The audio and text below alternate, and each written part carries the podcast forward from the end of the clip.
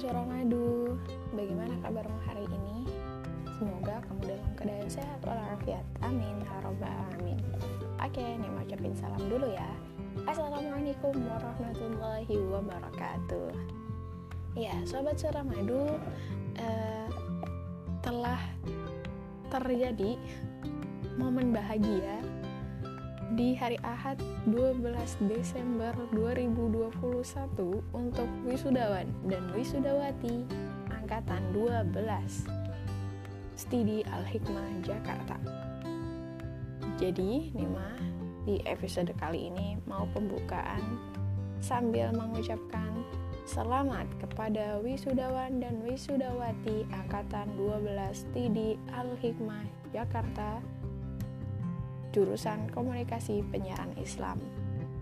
Mereka adalah adik-adik tingkat nikmah di kampus yang seingat nikmah itu belum lama deh nge-ospek mereka gitu ya. Maksudnya memberikan orientasi studi Islam kepada mereka di awal mereka masuk kampus. Eh nggak kerasa mereka udah nyusulin aku wisuda di tahun ini ya. Baik teman-teman dan sobat suramadu semuanya ucapan selamatnya uh, aku mau nambahin doa deh buat mereka. Oke okay. ya. Selamat atas wisuda adik-adik tingkatku di Stidal Hikmah. Mantapkan hati untuk langkah selanjutnya. Kontribusi kalian kepada masyarakat sudah dinanti jadi jangan terlalu lama berpangku tangan memikirkan aku pengen kerja ini pengen kerja itu. Padahal ada tawaran-tawaran yang mungkin itu panggilan sosial. Dan ya dapat dikatakan mungkin gajinya kecil tapi lagi-lagi pesan ustadz ustadz kita ya di al-hikmah semua apa pun hal yang kita lakukan ketika kita niatkan untuk ridho Allah subhanahu wa ta'ala dan untuk dakwah insya Allah itu mulia gitu ya. Jadi uh, selamat pokoknya buat kalian. Semoga langkah berikutnya Allah mudahkan, Allah berkahi dan Allah ridhoi. Jangan puas dengan mimpi yang sudah kalian raih di hari wisuda kalian gitu ya. Tapi terus raihlah mimpi yang lebih tinggi daripada itu dengan cinta, doa, dan usaha pokoknya karena nama wisudawanya itu lebih dari 100 aku nggak bisa nyebutin satu-satu. Mohon maaf ya adik-adik tingkatku. Jadi aku juga mohon maaf karena kemarin nggak bisa hadir langsung. Mau membahagia kalian. Karena aku ada urusan lain yang buat aku nggak bisa menghadiri prosesi wisuda adik-adik tingkat semuanya. Oke jadi ini mau mau berbagi tips nih sama adik-adik tingkatku yang habis wisuda kemarin apa itu tipsnya? Simak ya sampai akhir. Oke. Nah, ini episode 12 ku di challenge 30 hari bersuara akan ngebahas tentang mimpi. Jadi kalian kan udah menggapai satu mimpi gitu ya yang kalian inginkan yaitu menyelesaikan studi S1. Jadi di Islam itu ada ayat yang menjelaskan tentang bagaimana seorang muslim itu harusnya mewujudkan mimpi yang dimilikinya? Yaitu di surah nah ada di Quran surah At-Taubah ayat 105 yang berbunyi ayatnya wa quli amalu فسيرى الله عملكم ورسوله والمؤمنون وستردون إلى عالم الغيب والشهادة والشهادة فينبئكم بما كنتم تعملون Artinya, bekerjalah kamu, maka Allah dan Rasulnya serta orang-orang mukmin akan melihat pekerjaanmu itu dan kamu akan dikembalikan kepada Allah yang maha mengetahui akan yang goib dan yang nyata lalu diberitakannya kepada kamu apa yang telah kamu kerjakan. Atau bah ayat 105 nah melihat dari ayat tersebut Islam mengajarkan umatnya untuk senantiasa beramal. Jadi beraksi gitu ya karena tanpa aksi semua ide yang bermanfaat pun hanya akan jadi teori bahkan jadi ilusi gitu ya kayak angan-angan belaka Nah, inilah saatnya kita berpikir untuk bagaimana dengan sesegera mungkin mengamalkan apa saja yang semestinya kita lakukan sebagai wasilah meraih kesuksesan.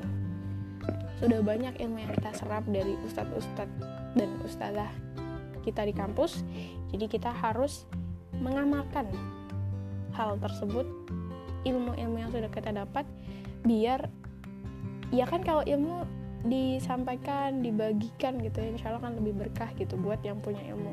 Kalau ilmu nggak dibagikan berarti kita nggak mensedekahkan atau ininya tidak me memperpanjang hidup ilmu itu di dalam diri kita gitu ya. Karena ilmu yang dibagikan insya Allah akan uh, menjadi amal jariah dan insya Allah itu akan jadi ladang pahala kalaupun kita udah meninggal Nah, akan tetapi agar aksi yang kita lakukan dalam upaya mewujudkan impian bisa bertahan hingga batas akhirnya, maka kita perlu memiliki cara-cara yang tepat. Dua di antaranya akan kita bahas di episode kali ini ya. Yang pertama adalah ketekunan. Beda ya antara orang sukses dengan tidak sukses itu ada pada kemampuannya untuk konsisten dalam beraksi. Konsisten dan beraksi gitu ya. Orang-orang yang berhasil adalah mereka yang memiliki kemauan tinggi dan beraksi, mau melakukan kerja nyata secara terus-menerus dan konsisten. Kalau di kampus kita seringnya dibilangnya istiqomah ya, istiqomah gitu. Sedangkan mereka yang tidak sukses adalah orang yang menyerah atau putus asa. Nah, pantas jika ada perkataan bijak berbunyi semua orang bisa sukses dengan ilmu, bakat, dan keterampilan, tapi semua itu tidak akan pernah bisa melampaui catatan hebat mereka yang memiliki ketekunan tingkat tinggi. Jadi yang tekun ya yang akan menjadi hebat. Dan seorang muslim sudah semestinya memiliki ketekunan tinggi. Bukan tinggi aja tapi harus tingkat tinggi. Ibarat kata kalau anak-anak sekarang bilangnya tingkat dewa gitu ya. Terutama pada apa yang menjadi passion dalam hidupnya yang nota B nota bene wah ini mah kok pakai medok? Iya nggak apa. Nota B nya bisa mengangkat harkat dan derajat diri kita agama kita. Dan uh, gini urutannya berarti derajat diri keluarga dan agama kita gitu Nah, ketekunan tingkat tinggi bisa kita lihat dari bagaimana perjuangan Imam Syafi'i dalam belajar. Beliau tidak memiliki buku buku, pena, dan alat-alat standar yang dibutuhkan dalam menuntut ilmu. Tapi beliau tidak patah arang, beliau tetap menimba ilmu meski harus telaten nulis di atas tulang-tulang dan pelepah daun kurma. Hasilnya Masya Allah ya, dapat dikatakan wow banget gitu ya. Beliau tampil sebagai sosok ulama yang karya-karyanya tetap bermanfaat hingga kini, bahkan insya Allah sampai akhir zaman. Jadi, buat adik-adik tingkatku, dan ini juga buat nikmah, serta buat sobat suramadu yang ngedengerin, milikilah ketekunan dalam amal, meski itu amalan yang kita anggap kecil.